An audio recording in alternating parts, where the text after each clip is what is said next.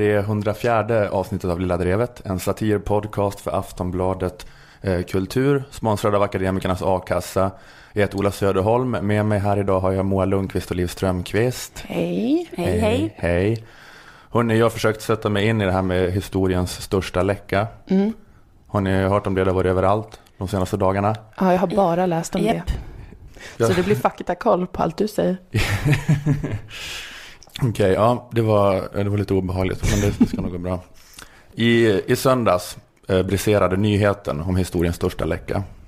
Andra läckor som Wikileaks och Edward Snowden kan fara åt helvete. Ja. Patetiska skitläckor jämfört med denna enorma monumentala läcka. Och den här läckan går då under namnet eh, Panama Papers. Svinbra. Vad sa du? Ett riktigt bra namn. Ja, det låter väldigt så John Grisham eh, roman eller någonting. Men eh, det är då eh, 11,5 miljoner dokument som har läckt från advokatfirman Mossack Fonseca. Vad är det? Jag bara tycker det är kul att det var 11 miljoner dokument. Det är så himla många.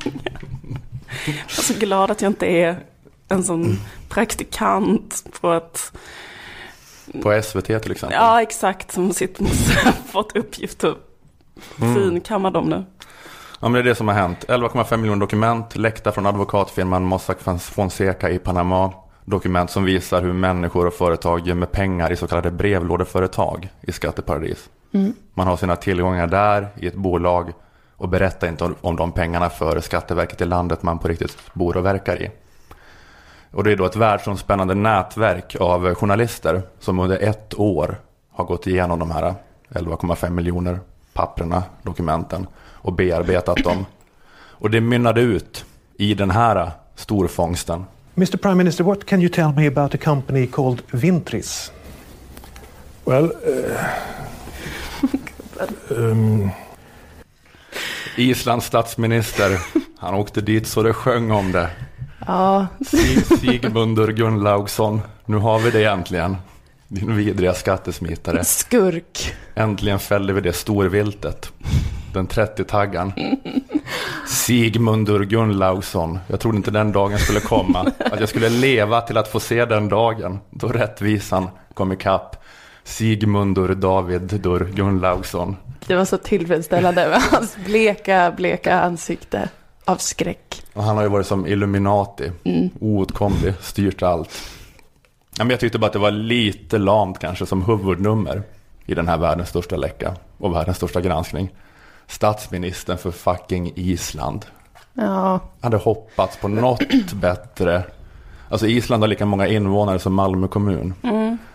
Så om man tänker så, då är inte det här mer kittlande än random Ilmar Reepalu-skandal. det är som när det är något skit med den här bomässan i Västra Hamnen. Reepalu kanske satt i någon styrelse, kanske var i närheten av någon bokföringsoegentlighet. Sånt en sydsvenska reporter klarar av. Nu 400 journalister från 80 länder arbetade ett år för att fälla motsvarigheten till ett Malmö kommunalråd. Så besviken. Ja, jag fattar. Nej men det är inte, det är inte bara islänningen som Nej, det finns ju mer då. men han hade det mest jobbigt. Ja, Eller han var det, det pinsamma ansiktet utåt för hela Exakt. skandalen. han har blivit ansiktet utåt för det här. Eh, Men eh, Hans lilla sorgsna ansikte. han hade ju ett bra ansikte för det. Ja, eh, man såg liksom skammen ändå Mm. när han fick frågan. Det var starkt. Ja, och så att han, ja, att han var så himla så här, alltså blek och stressad och att han så här, dragit åt slipsen för hårt på något sätt. Så att, så att man så här, accentuerar dubbelhakan på ett dåligt sätt. Sitter var för bra sånt svettig pamputseende Ja, i en verkligen. konfrontationsintervju. så på så vis spelar han ju sin roll snyggt. Men eh, jag, no disrespect till Island, men jag tycker bara att han har lite för klent ämbete. Det hade varit Det fetare. finns ju större fiskar så att säga. Ja, det, ja precis. Det, det, det, och det har kanske inte kommit fram allting ännu. Nej, det kan vara så att de sitter och håller på. Jag tror att de håller på det, kommer det komma liksom en ny grej om dagen. Och... Det är som julkalendern. Mm. Öppna en ny lucka, en ny politiker kanske. Men jag kan berätta om lite andra. För den här Uppdrag granskning-reporten eh, som eh, gjorde då den här, eh, som jag spelade upp klipp ifrån, den här nu över hela världen spridda intervjun med Islands statsminister. Eh, han, reporten var med i Agenda i söndags och pratade mer om eh, Panama Papers-granskningen. Utöver Islands statsminister så har vi till exempel Pakistans statsminister. Vi har eh, Ukrainas president och så vidare och så vidare. Vi har kretsarna kring Putin. Ja, Ukraina, Pakistan. Den här informationen kändes inte svindlande för mig heller. Det var inte helt otippat. Nej, jag vet inte om jag är cynisk eller fördomar. Men att kretsarna kring Putin har brevlådeföretag i skatteparadis där de gömmer undan pengar. Det hade ju varit mer av en nyhet om det avslöjades att kretsarna kring Putin betalar skatt som vanliga hederliga medborgare. Oligarkerna står upp för samhällskontraktet. Tycker att alla ska följa samma regler. Men att gömma undan pengar i brevlådeföretag tror jag är det minst problematiska som kretsarna kring Putin gör. Att en journalist berättar om det, det är den mest positivt vinklade storyn den kan göra om kretsarna kring Putin. De bara, härligt, vilken bra PR-dag det blev för oss, vi kretsarna kring Putin. Västmedia berättar om våra brevlådeföretag. Inte om att vi har beordrat mord på olika journalister och liberala politiker. Feministiska performancekonstnärer. Nej men jag, jag raljerar lite här eh, om att så jag, jag bara känner just än så länge bland politiker, bland toppolitiker är inte så kittlande och avslöjande för mig. Bland Nej. de som framkommit hittills. Det var saker du hade kunnat ha en känsla för. Du hade kunnat ha en känsla för detta bara. Ja men jag har ändå en känsla för det. Och det kan komma flera namn. Jag har hört att det osar lite kring David Cameron. Det skulle jag ändå känna var ganska tillfredsställande. Det var lite kul. Mm. Eh, men ja, det, det, det kanske dyker upp. Men jag tycker inte att det är en fånig granskning ändå allmänt. Den är ju eh, jättestor och... eh, Den är verkligen jättestor. 11 miljoner dokument som Eh. har läckt. Och det det handlar om är att det är så oerhört mycket skattepengar som undanhållits. Ja, Och det handlar också om tvätt av maffiapengar och så. Och idag när vi spelar in är det onsdag. Och ikväll sänds Uppdrag granskning. Och då kommer det antagligen komma namn på personer och bolag i Sverige som har yes. smitit från skatt. Och det är ju jättebra att de hängs ut. De människorna ska släpas ut på Sergels torg. Man ska klippa av dem håret, slita kläderna av dem, rista in ordet Nej. gris.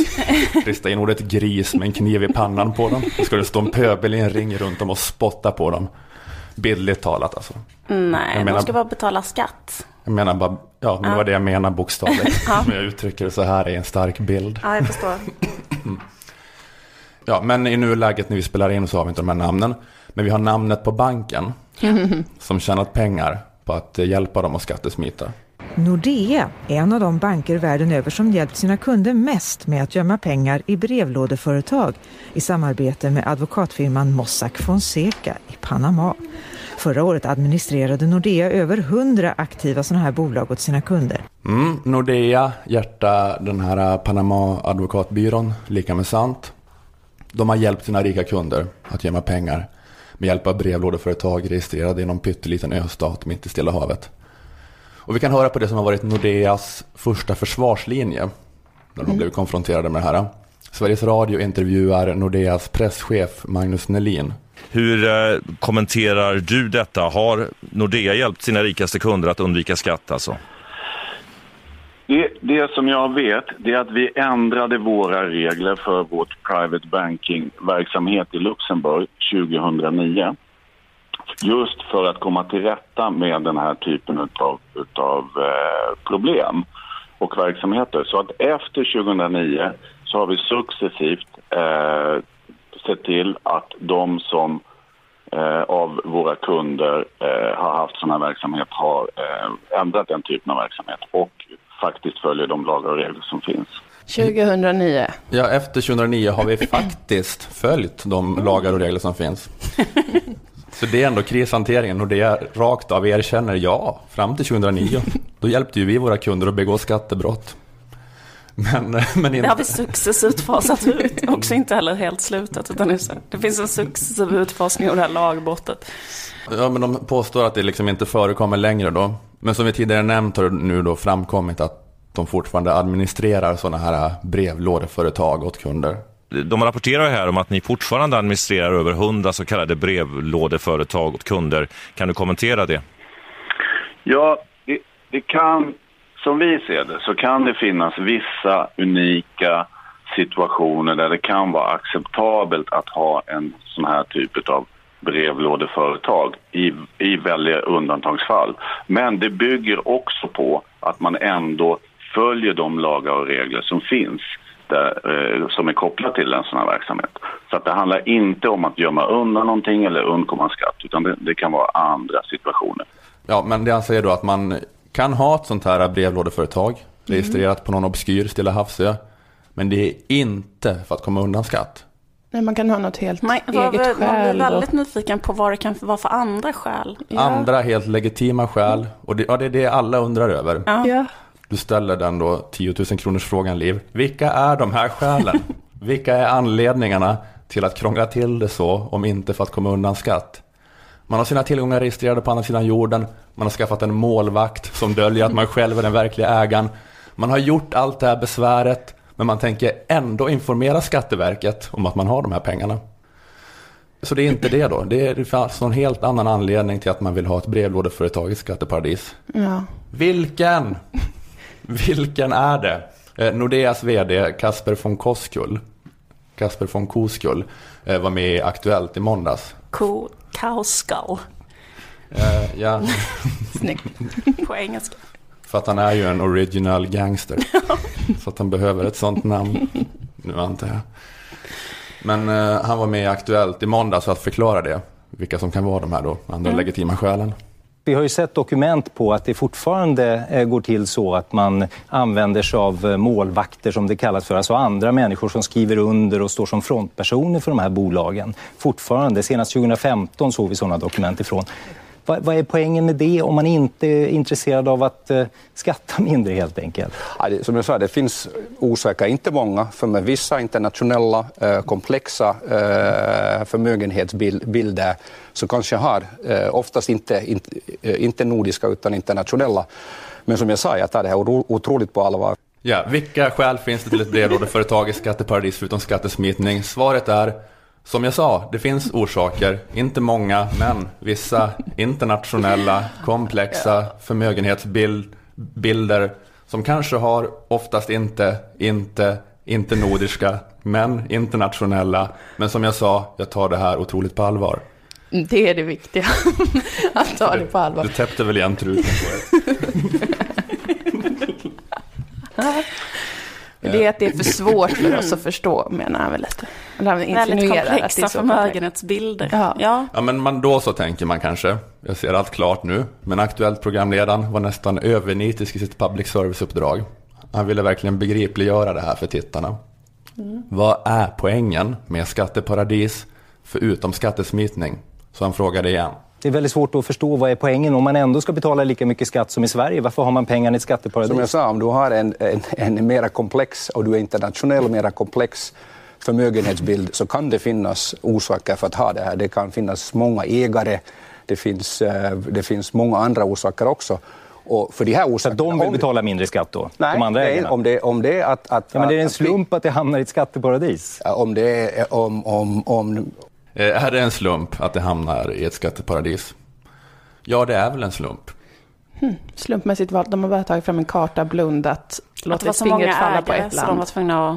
Ja, det blev att många kunder hos Nordea ville ha sina tillgångar på önationen Niue i Stilla havet. Som Ja. Mossack Fonseca brukade använda som hemvist åt de hemliga brevlådeföretagen de upprättade. Men det har ingenting med skatter att göra, försäkrar Kasper von Koskull. Eh, För Nordeas kunder eh, ska betala svensk skatt. Men de gillar ändå bara att ha pengarna på Niue. Gillar känslan av det. Det är komplext för oss som är, inte är så rika att förstå. Hur, Sen- hur gärna man kan vilja det. Vi är inte internationella på det sättet Nej. som de här. Sen var det en otrolig slump att det också var ett skatteparadis. Just där Ja. de vill ha sina pengar som de vill berätta om för Svenska Skatteverket. De har dem där, de berättar att de finns. Sen är det kanske ett skatteparadis där ändå, det har inte de någon aning om. Nej. Det är bara något som pågår. Och någonstans ska man väl ha sina pengar. Ja, Varför inte Newy? Så att eh, det finns de här legitima i alla fall. Internationella, komplexa förmögenhetsbilden. bilder, bilden. Mm. Men det Ja. känns tryggt. Att det inte Då vet vi det skit. i alla fall. Ja, ja, det var bra. Bra beslut av honom att vara med i Aktuellt tyckte jag. Jag tyckte ändå att det var skönt att han var där.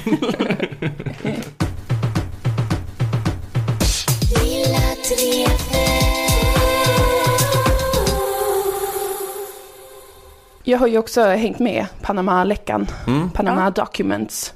Min favoritnyhet, den här typen av nyhet faktiskt. Men i och med de här läckta dokumenten så är ju nu flera skatteplanerare ditsatta, kan man ju säga. Oj, oj, oj, vad pinsamt det har blivit. Världen är ju väldigt upprörd, får man väl ändå säga. Att det är, folk är arga. Hårda, skoningslösa straff väntar nu, som att betala böter kanske, får man ju göra. Ja. Några. Några får kanske betala böter om det verkligen var så himla jätteolagligt det de har gjort. Det väntar vi ju på att se. Var det verkligen så himla farligt? Mm. Frågar sig många som själva har skatteplanerat. Ja, men för här blir det väl ändå ett brott tror jag om man inte har, att man är skyldig att berätta om det på något sätt. Mm. Det, Man kan det, det behöva böta rätt mycket. Ja. Och några förlorar ju sina jobb också. Islands premiärminister till exempel. Får ju sitta kvar men han får inte vara premiärminister. Eller hur de nu löser det. Förhoppningsvis får han ju fortsatt lön i alla fall. Så att det ska Mm. inte behöva bli för vidrigt ändå. Nej. Det är jobbigt nu för skatteplanerare, men det kommer ljusa dagar för skatteflyktingar. Det kommer, de behöver inte vandra i mörker för resten av livet bara för att de har gjort det här, tack och lov. Den här dansbandsklyschan, efter regn kommer solsken. Det stämmer för dem. Det stämmer för skattesmitt. Är jag det finns alltid en på. morgondag. Ja, det är inte en hopplös misär som väntar de som har skatte... Jag tror inte de kommer vara fucked for life Nej. för att de gjorde det här. Nej, jag bara tänker historiskt så har det ju inte sett ut riktigt så. Att man liksom har behövt, eh, man kanske får lite straff, folk blir ju arga liksom. Men det går över.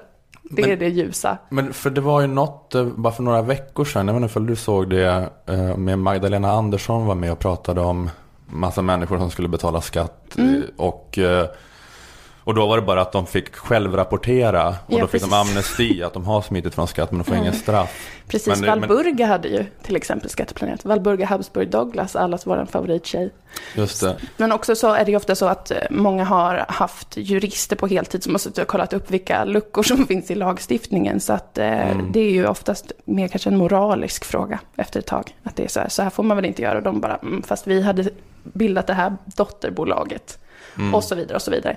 Så för skatteflyktingar är det inte hopplöst. Ja men det, det får liksom att det kan vara ett brott men man får bara säga förlåt och sen så börja följa lagen. Ja, det, det är precis. enda, den enda pressen man kan sätta på dem. Det är inget ytterligare straff. Nej, precis. Det är sällan det för eh, andra som kanske bara har stulit någonting. Att man bara lämnar tillbaka det och sen så Det är är det okej.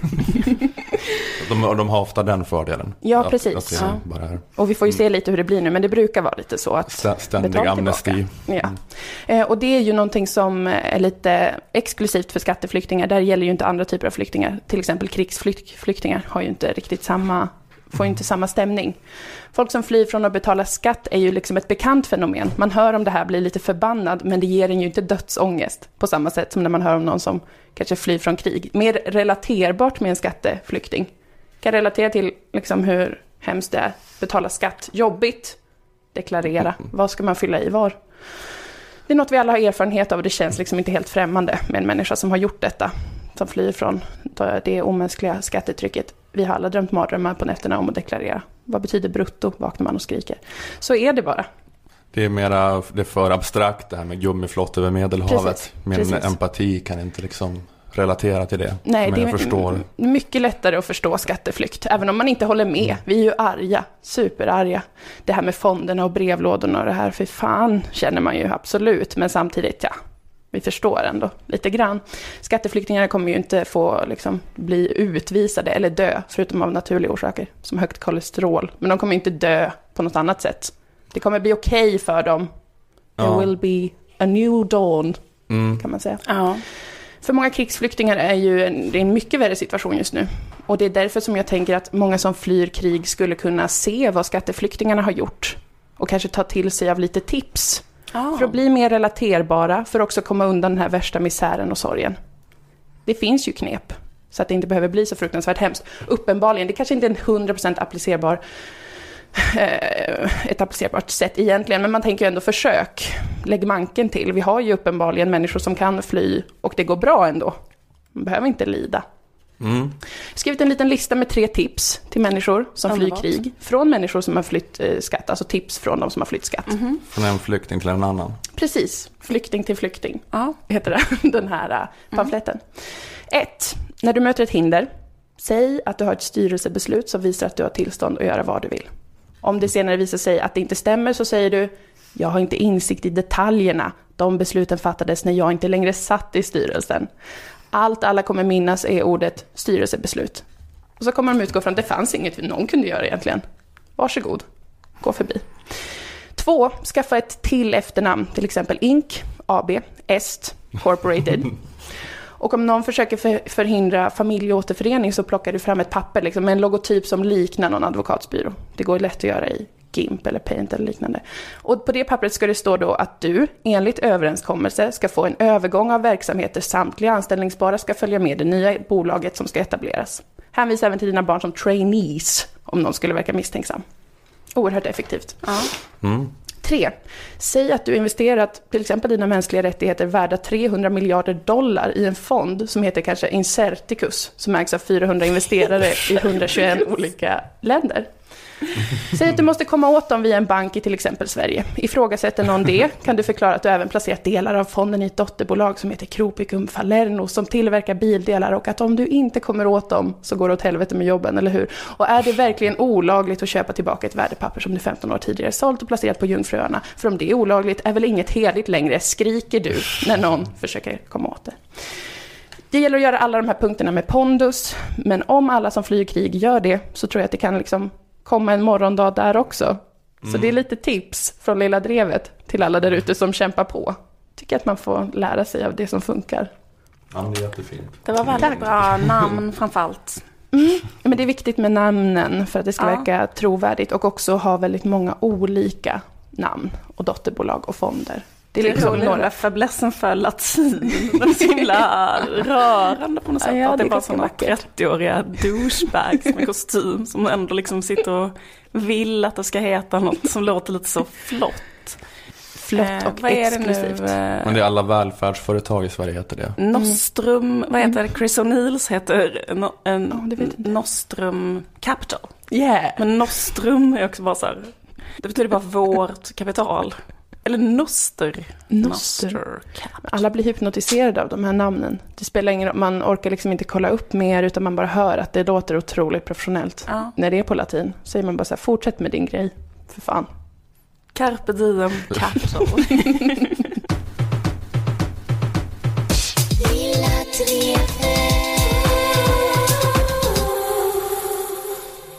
Jag tänkte att vi skulle prata lite grann om lycka. Därför att det är ju lätt att tro att allting bara är hemskt, eller hur? Mm. Men vet ni vad, Ola och Moa? Lycka finns också. Det finns också lycka i den här världen. Mm. Författaren Kerstin Thorvall, aktuell med en miniserie som sändes eh, i SVT nu i påskas. Hon i alla fall ger en oerhört vacker beskrivning tycker jag eh, av hur lycka känns i hennes sommarprat från 2003. En oerhörd känsla av välbefinnande när lycka kom över mig. Det var en sorts lysande, fulländad upplevelse av frihet och trygghet. Den kom från ingenstans, slog ner som en vacker fjäril på balkongräcket och var min. Det är så fint. Jättefint. Mm. Aldrig varit med om, för... inser jag nu. Vill ni gissa eh, varför hon är så glad? Det är nu man ska dra något eh, skämt om hennes sexturism kanske, eller? Ja. Eh, nej, eh, det är faktiskt för att hennes mamma precis har dött. Mm -hmm. Men en vacker beskrivning, eller hur? Ja. tycker hon är så otroligt bra på att beskriva lycka. Så därför jag vill kanske bara att vi kan lyssna pyttelite till. För det är så otroligt fint beskrivet här hur extremt glad hon är över att hennes mamma har dött. Men ändå att det är fint beskrivet. Ensam i våningen kunde jag släppa ut glädjen i full frihet och högt, högt med samma oemotståndliga bravur som sopranens röst steg uppåt så lyfte min själ i vild frihet. Fantastiskt. Mm. Otroligt vackert. Eh, men den här känslan som eh, Kerstin Thorvall eh, så utsökt vackert beskriver här, alltså att känna att med samma oemotståndliga bravur som sopranens röst steg uppåt lyfts ens själ i vild frihet. Eh, den känslan är inte så ofta man får när man liksom ser sig om i samtiden, eller hur? Nej. Nej. det är svårt att relatera till nästan. Mm. För att jag har inte förlorat en förälder. Nej, precis. Så utan det får ju Men, spara ja. tills det händer. Uh, ja, precis. Kerstin Thorvald fick ju den här känslan då när hennes mamma hade dött. Men hur ska vi tre, uh, uh, liksom ni två nu och jag, kunna få den? Ja. men jag tänkte liksom att, eh, eller jag tror att man måste se, försöka se de positiva händelserna runt omkring sig i sin omvärld.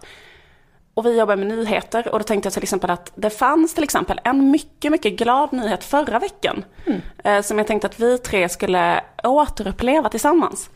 Nämligen nyheten att svenska Julia, 22, som varit eh, försvunnen i Colombia i 11 dagar, eh, förra veckan eh, rapporterades vara återfunnen och välbehållen. Mm, jag har missat det här helt. Hon mejlade helt enkelt skönt sina... att min förtvivlan bytte till lättnad för en gång. Hon behövde inte lida med de här 11 dagarna. hon mejlade helt enkelt sin mamma och visste inte ens att, själv att hon hade räknat som försvunnen. Nej. Mm. Så hon, hon har haft samma relation till den här nyheten som jag alltså. ja, jag tror ni har haft exakt samma upplevelse. Eh, har ni följt, ni har inte följt fallet då? Nej. Vi kan lyssna lite. Julia Wendt har ju varit försvunnen sedan den 18 mars har vi rapporterat här på Aftonbladet och har sökts då av sin familj. Vi har kunnat se efterlysningar både i spansk media, i engelsk press och svensk press. Ja, eh, det som hände var alltså att Julia Wendt reste omkring ensam i Colombia Eh, och eh, hennes familj blev oroliga för att hon inte hörde av sig. Hennes mamma Lena eh, berättar i Aftonbladet TV hur det hela började. De första dagarna, det är inte alltid så att vi har haft daglig kontakt. Så att de första dagarna så bara såg att hon inte hade läst mina meddelanden. Och då började, alltså efter kanske en vecka där, eller fem dagar, så började jag prata med syskonen och de hade ju inte heller fått det. Mm. Så det börjar bara med att eh, Julia då inte har tagit sig till sin familj på fem dagar. Mm. Och det är, men det är inte så jättelång tid, eller hur?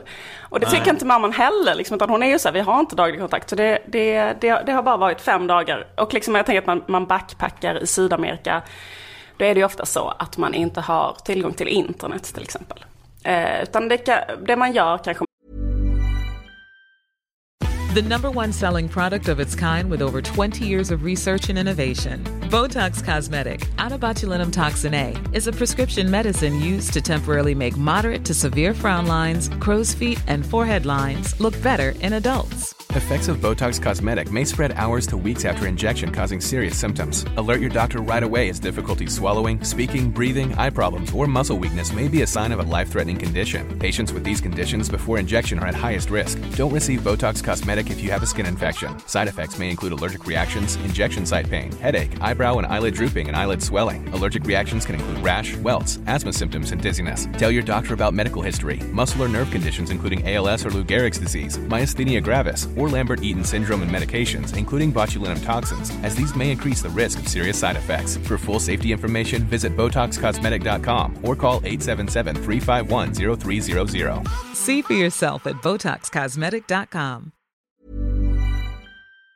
Med är att um, man har träffat en uh, jättesnygg shaman och är med honom på ett rave kanske i djungeln och um, äter en drog som man har hittat på marken. Kan du, som... kan du sluta läsa din dagbok från 2002? som indian. Försöka lyfta det här till lite mer allmängiltigt. Drog som indianer kanske åt för jättelänge sedan. Och så kanske man är uppe på ett eh, otroligt vackert berg och har fruktansvärt kul. Och sen kanske man åker till en ny plats och träffar en ny eh, skitsnygg kille som också är schaman och ger en ny drog som andra indianer åt. Och man har ännu roligare.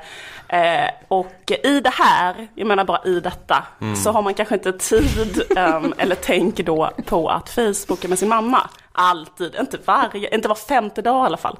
Nej. Kanske mer varannan vecka eller... Mm.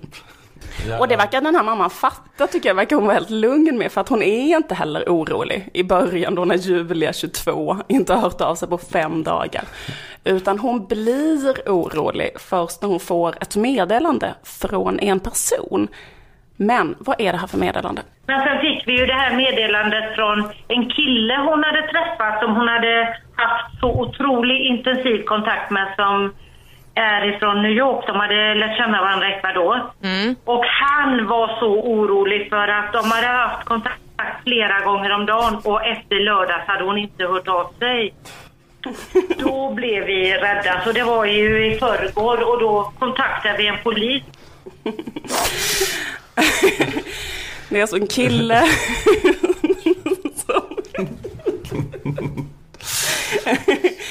Det, det som har hänt eh, är alltså att Julia har bytt kille. Det är det som har hänt här. Om det är ett brott att ligga med en amerikansk backpacker i Ecuador och sen sluta höra av sig till honom för att man åkt till Colombia, börjat ligga med en annan backpacker slash shaman slash surfare. Om det är ett brott, ja, då är Julia skyldig. Jag som mor vet om, känner till min dotters monogama natur. Och blev väldigt orolig. Om det är ett brott att ha fruktansvärt kul, i så fall är det dags att ringa polisen. För då har den här amerikanska backpacken rätt i att rättsväsendet bör kopplas in. Eh, ja, därför att Julia eh, var ju då som sagt inte försvunnen utan hon kontaktade själv sin mamma eh, någon dag senare helt välbehållen eh, och oförstående då inför den här uppståndelsen. Eh, varför hade då inte Julia 22 hört av sig till sin mamma på 11 dagar? Hör vad Lena sa att Julia har sagt här. Hon har också varit på ett ställe där eh, hon skulle eh, ha internet men det hade varit sönder. Internet var sönder. Klassisk kod att säga till mamma för jag var på ett berg, jag åt droger från en skitsnygg shamans nakna kropp. Hade fruktansvärt kul, hade för kul för att komma ihåg hur många jävla amerikanska backpackers jag låg med i Ecuador. Om det är ett brott, ring Interpol. Om det inte är ett brott, kontakta då inte Aftonbladet TV om vad som har hänt här. Ja, mamma. Gud. Men, men alltså Julia fick reda på det via media, att det pågick eller? Mm, hon, fick, hon blev kontaktad av en colombiansk tidning. Hon var på ett yoga-retreat som hon själv ute i djungeln. Men hade inte funnits internet på yoga-retreatet. Eh, ja men det är också, tycker jag, eh, kul att tänka bara pyttelite på den här killen då som Julia träffade i Ecuador. Att eh, det är lite intressant hur hans självbild är. Det är alltså då så att han träffar Julia i Ecuador. Eh, jag förmodar, läser mellan raderna, att de hade en grej då. Eh, har haft kontakt. Sen slutar hon höra av sig. Och då bara drar han rakt av direkt slutsatsen. Hon är död. det är liksom det enda. Gud vad sorgligt. Oh, liksom. Måste ringa hennes mamma. Nu är det jag som ringer hennes mamma. Letar upp hennes mamma på Facebook och bara rakt upp och ner och berättar för hennes mamma. Din dotter är död. Alltså jag är ledsen att du ska behöva höra av dig. Höra det på det här sättet. Men vi hade en grej och hon slutade höra av sig. Nu återstår det bara att koppla in polisen och hitta hennes mördare. Mm. Rättvisa måste skipas. Kroppen måste hem till Sverige. Mm. Det är mycket mm. som behöver ordnas med. Hon är död! Ja. Hon var så ung! Hon har inte svarat mig på Facebook, vi låg med varandra. Det var viktigt. Mm. Hallå svenska mamma, jag har tänkt igenom alla möjliga alternativ här. Det finns bara ett logiskt. Antingen så är hon död eller så vill hon inte ligga med mig mer. Och ni har ju absurt delåter.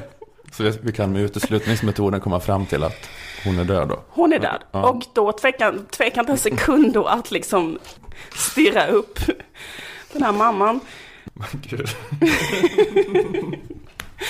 Nej, jag berättar bara detta för att eh, mm. vi skulle ta en liten stund och bara njuta av eh, att det också finns glädje i världen. Och då tänker jag att vi tänker på hur kul Julia Wendt har det i Colombia. Mm. En otrolig resa. Vi kan bara en liten stund bara njuta av eh, glädjen i hur kul Julia har det.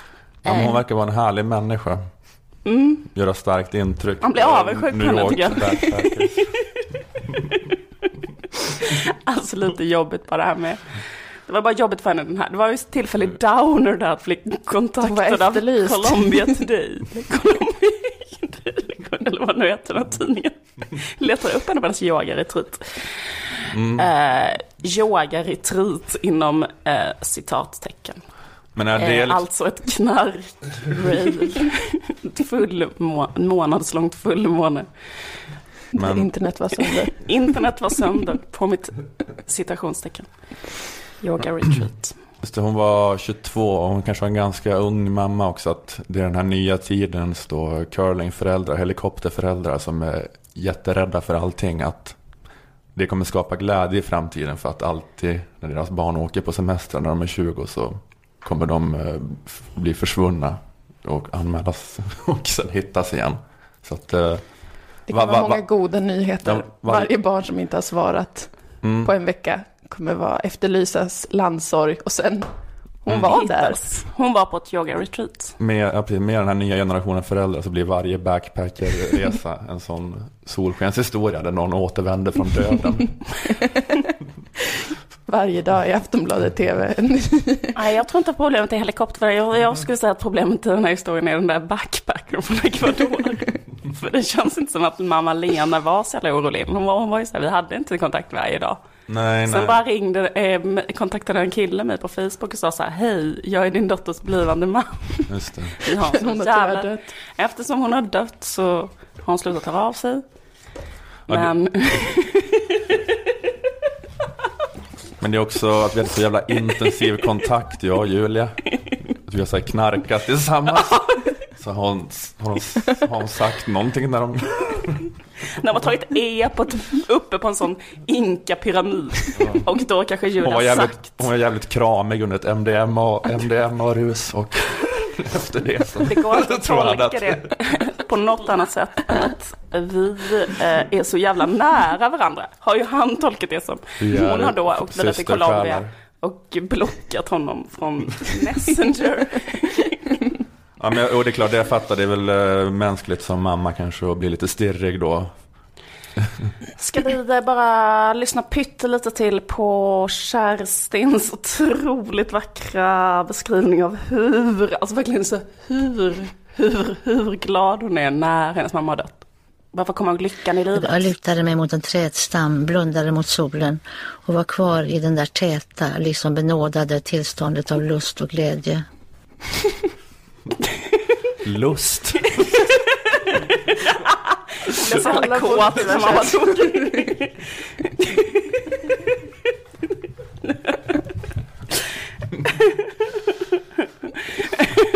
Kerstin Thorvall är en parodi på sig själv. Jag blev inte bara glad när bli mamma kåt- dog. Ska du bli kåt nu också? Sluta döma Ola äldre kvinnors sexualitet. Hon blev kåt när hennes mamma dog. Det är absolut Jag har sådana jävla problem med äldre kvinnors sexualitet. Typiskt Jag bara... Kerstin Thorvall står liksom och onanerar på sin mammas grav. Och då rynkar jag på näsan. Men det är mitt kvinnohat. Jag står inte ut med att hon tar kontroll över sin sexualitet och är en självständig kvinna. Ja, precis. Eh, vidrigt Ola. Nej, men hon gjorde faktiskt inte det. eh, utan hon var bara jätte, jätte, jätte, jätte, jätte, jätteglad för att hennes mamma hade dött. Mm. Men det berodde också på att hennes mamma var Ja, eh, ja. rätt så... Tr- eh, för hennes mamma var inte heller så himla farlig. Hon var lite, lite tråkig, lite jobbig. Mhm. Men, ehm, alltså det är så också så jävla jobbigt tänker jag, när man är 22, att man också så liksom ganska, alltså om man har pyttelite lätt till skam, vad jobbigt då att vara så här, tänk om man Mm. också så här kanske har typ så här ångrat ett sånt hopplöst, någon hopplös encounter med någon lite hopplös kille och sen så bara har man försökt så här, Hela Sverige vet om det. ut det och sen har han ordnat så att Interpol typ efterlyser henne och alla så spansk media har liksom publicerat bilder på henne och alla tror att hon är liksom sexmördare och fark liksom. Ja, och också, också tänker jag om man är 22, då kanske man har, hon kanske hade en kille lite halvt i Sverige, du vet. Och så här, men, ja, men man är ung, man åker iväg, men man kanske vill så här, försöka bli ihop med honom när man kommer hem. Eller jag vet inte, att det bara hängs ut. Fantasierna om. Julia, 22, fortsätter i lilla brevet. Alltså så otroligt mycket fantasier om henne nu. Ja, men det var, det var skönt eh, att Julia lever och mår bra. Ja, goda nyheter. Mm, goda nyheter.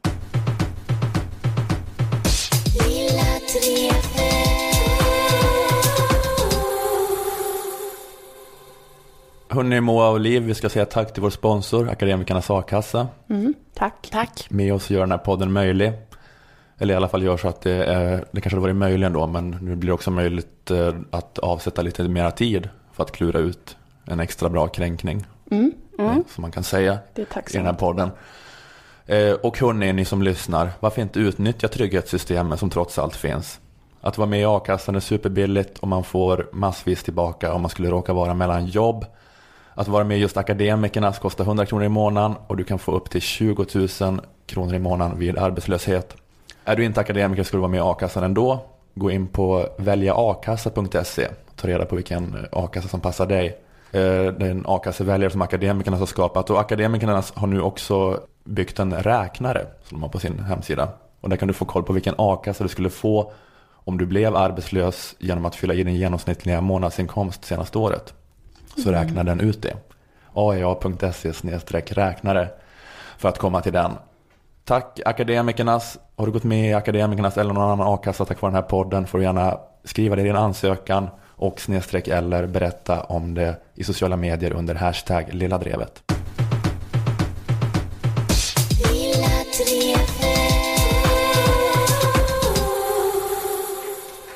Cancerfonden tänker jag lite på nu. Det är ju en ideell organisation som kämpar för att sprida kunskap om cancer och också för att samla in pengar till cancerforskning. De har samlat in, jag tror att det är 9 miljarder sedan de startade. Oj. 51, eller när det kan ha varit. Mer än jag någonsin skänkt. De gör väldigt mycket, vill jag bara säga nu direkt. Att toppen, Mm. bra jobbat Cancerfonden. Du ligger i lä. i Jag ligger helt klart i lä. När det gäller att samla ihop pengar till cancer. Jag kan, inte, Cancerfonden. jag kan inte kränka dem på något sätt för att jag själv har aldrig samlat in 9 miljarder till cancerforskning. Nej. Nu i april startade en ny kampanj som heter Nej till cancer, som då Cancerfonden har fixat. Den frontas av eh, Kakan Hermansson och Musse Hasselvall. 30 dagar, 30 nej till cancer är sloganen. Och varje dag under april så ska Kakan och Musse säga nej till dåliga saker som kan ge en cancer. Så här står det på Cancerfondens hemsida. Vi kan inte i förväg veta vem som kommer att få sjukdomen, men vi vet att så mycket som en tredjedel av all cancer kan förebyggas genom hälsosamma livsstilsval. Genom att inte röka, undvika solen mitt på dagen, avstå alkohol eller dricka måttligt, vardagsmotionera och äta hälsosamt minskar risken att drabbas. Och då så gör Kakan och Musse små videos som läggs upp där de eh, säger nej, kanske till att ligga i soffan eller vara ute i solen när den bränns som mest och det här. Eller sola solarium och det. Säga nej till ciggen. Så en sån video om dag, Jag dagen. tror att det är något sånt. De gör något varje dag i alla fall och så uppmuntrar de folk att hänga med på det. Alltså säga nej till cancer varenda dag under april månad. Kritik har den här kampanjen fått. Förlåt, eh, får man cancer av att inte vardagsmotionera? Mm. Om, man har, om man inte tränar och sånt där, jag vet inte. Men då får man kanske cancer. Oj. Mm, det sägs i alla fall. Allvarligt. Ja, okej. Ja, men det är, eh, det är bra att leva sunt. Precis, det är bra att göra bra val. Det är bra med bra. Det är och det är dåligt med, med bra. dåligt. Det är Ja. det som den här kampanjen kokar ner till. Det är gammal egentligen. forskning, men eh, sann. Eh, men kritik har ju kampanjen fått väldigt mycket faktiskt. Den givna invändningen är ju, vem säger ja till cancer? Ingen.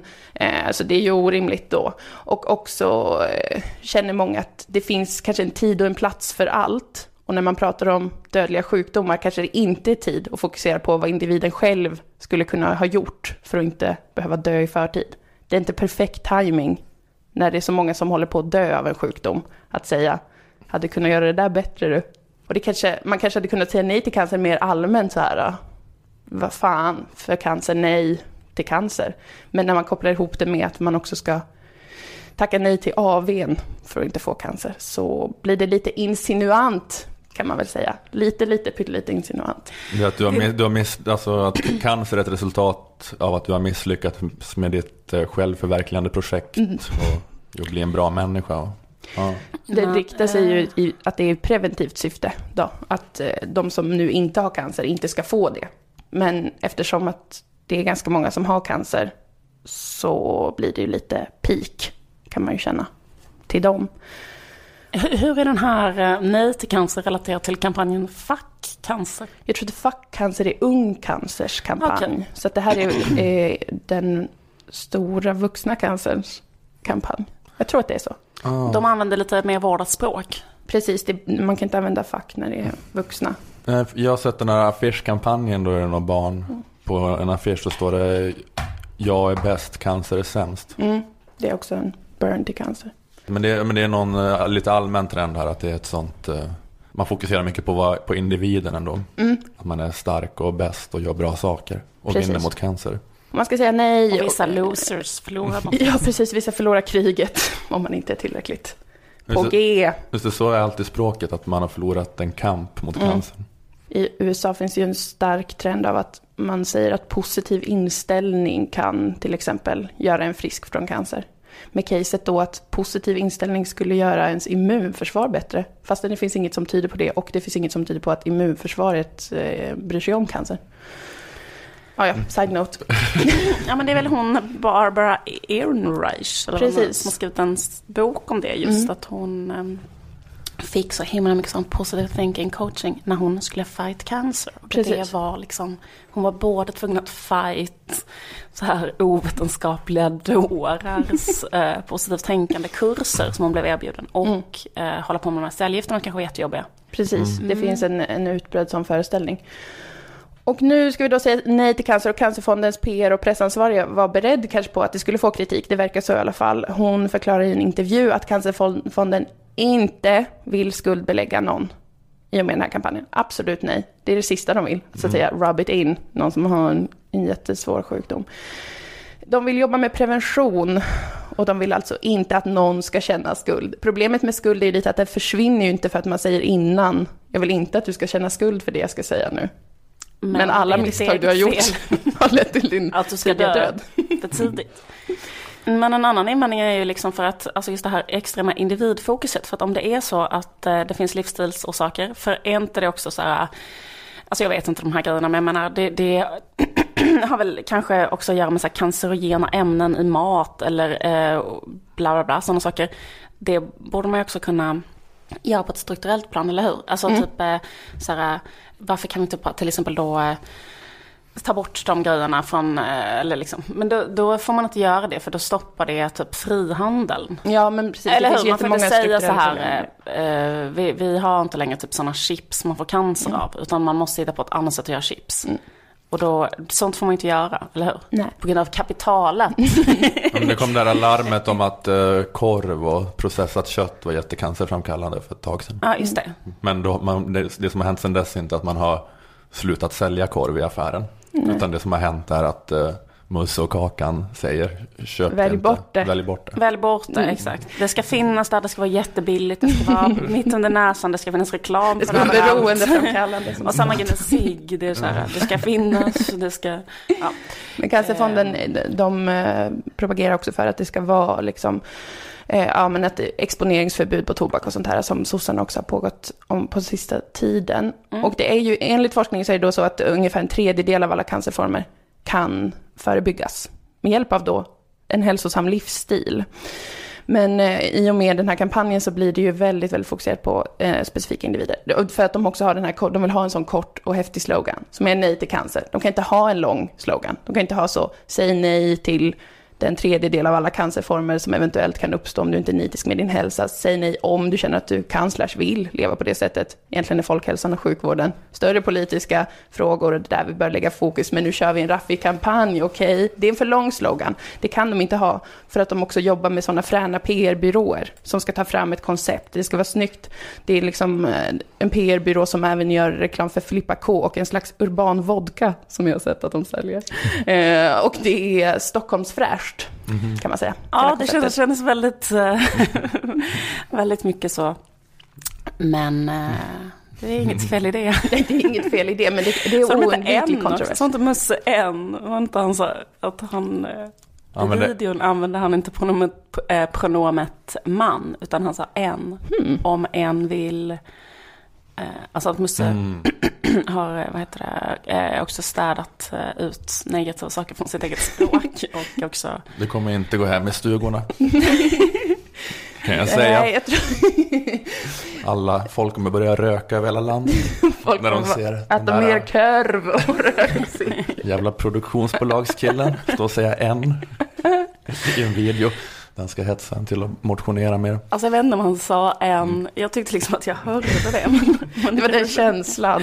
Jag bara tyckte det var så speciellt därför att det, det, är, ehm, det är lite samma idé. Att man på ett individplan ehm, genom att byta ut pronomen ska ändra en struktur Mm. Där det finns eh, olika förutsättningar. Mm. Mm. Men det är väl en bra, det är väl, det är väl bra, kan väl folk kan man kan förstå tro. att det uppstår kritik. Då har man i alla fall något att göra. Ja men det är sant. ja, själv.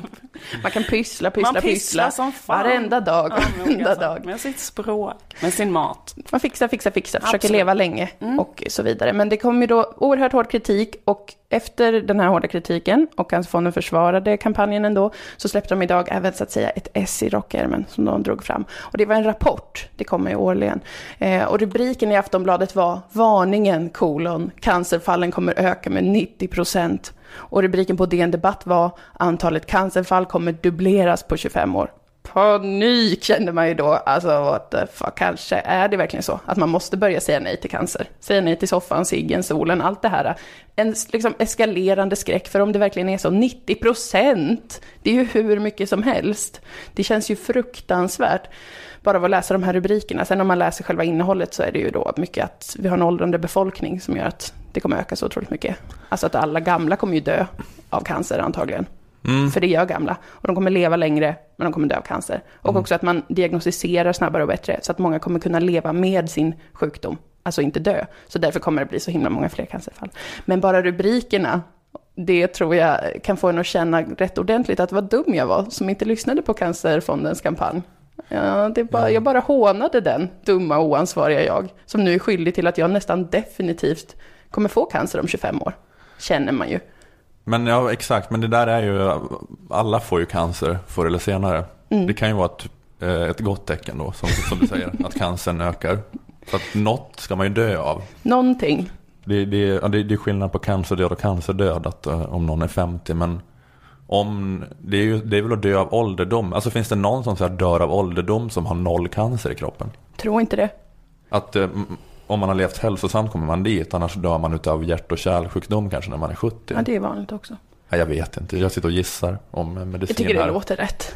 Men också, är det inte ohälsosamt att oroa sig? Är inte så stress och oro en jättestor eh, folkhälsorisk? Jo, man kan få andra sjukdomar av att stressa till exempel. Det kan ju göra så att immunförsvaret blir sämre. Det är faktiskt eh, vetenskapligt belagt mm -hmm. att stress gör, försämrar ditt immunförsvar. Så men, men inte, man, det har ju inte med stressad, med alltså att man aldrig får uh, gå på ett AV eller ligga i soffan eller ta ett glas vin eller käka uh, lite chips med sån då, korv. Då, Chips med korv. Så... Men, eh, men det här tror jag, det här är sånt som Agnes Wold, att hon hade blivit vansinnig från hon har hört det säger här. Att hon är jättemycket emot det här. Att stressen man ska känna över att man känner stress. Att det är farligt på olika sätt. Ja, det är inte farligt tror att hon har drivit den tesen. Hon säger ju alltid att inget någonsin är farligt. Men Förmodligen inte stress heller. Jag slutade tro på Agnes Wold helt och hållet efter att hon sa att eh, ansiktskräm inte hade någon effekt. Nej, jag vet. Utan... Nej, det var faktiskt droppen. Det är så, det jävla så här, dumt. Man, mm, eftersom det inte spelar någon som helst roll att använda någon typ av ansiktskräm. Och det tror jag verkligen inte. Men alltså, Alltså, Nej, de överdriver säkert effekten av ansiktskräm på olika sätt. Men hon sa så här, jag har typ smörjt in en bit av min arm. Ja, hur som helst. Mm, ja, men jag Vi tror också det. Man får lenare ansikte och smörja sig. Det finns mycket vetenskap mm. där ute. Men det jag kände också var ansiktskrämen, det var droppen. När Agnes Wold sa det här, ankny anknytningsstörning finns inte. Lämna in barnet på dagis när det är åtta timmar gammalt. Så, ja, ja, ja, men ansiktskräm, då kände jag. Då kändes det, då fick man en instinktiv känsla så här. Den här tanten, den här tanten yrar ju bara. Varför lyssnar alla på henne?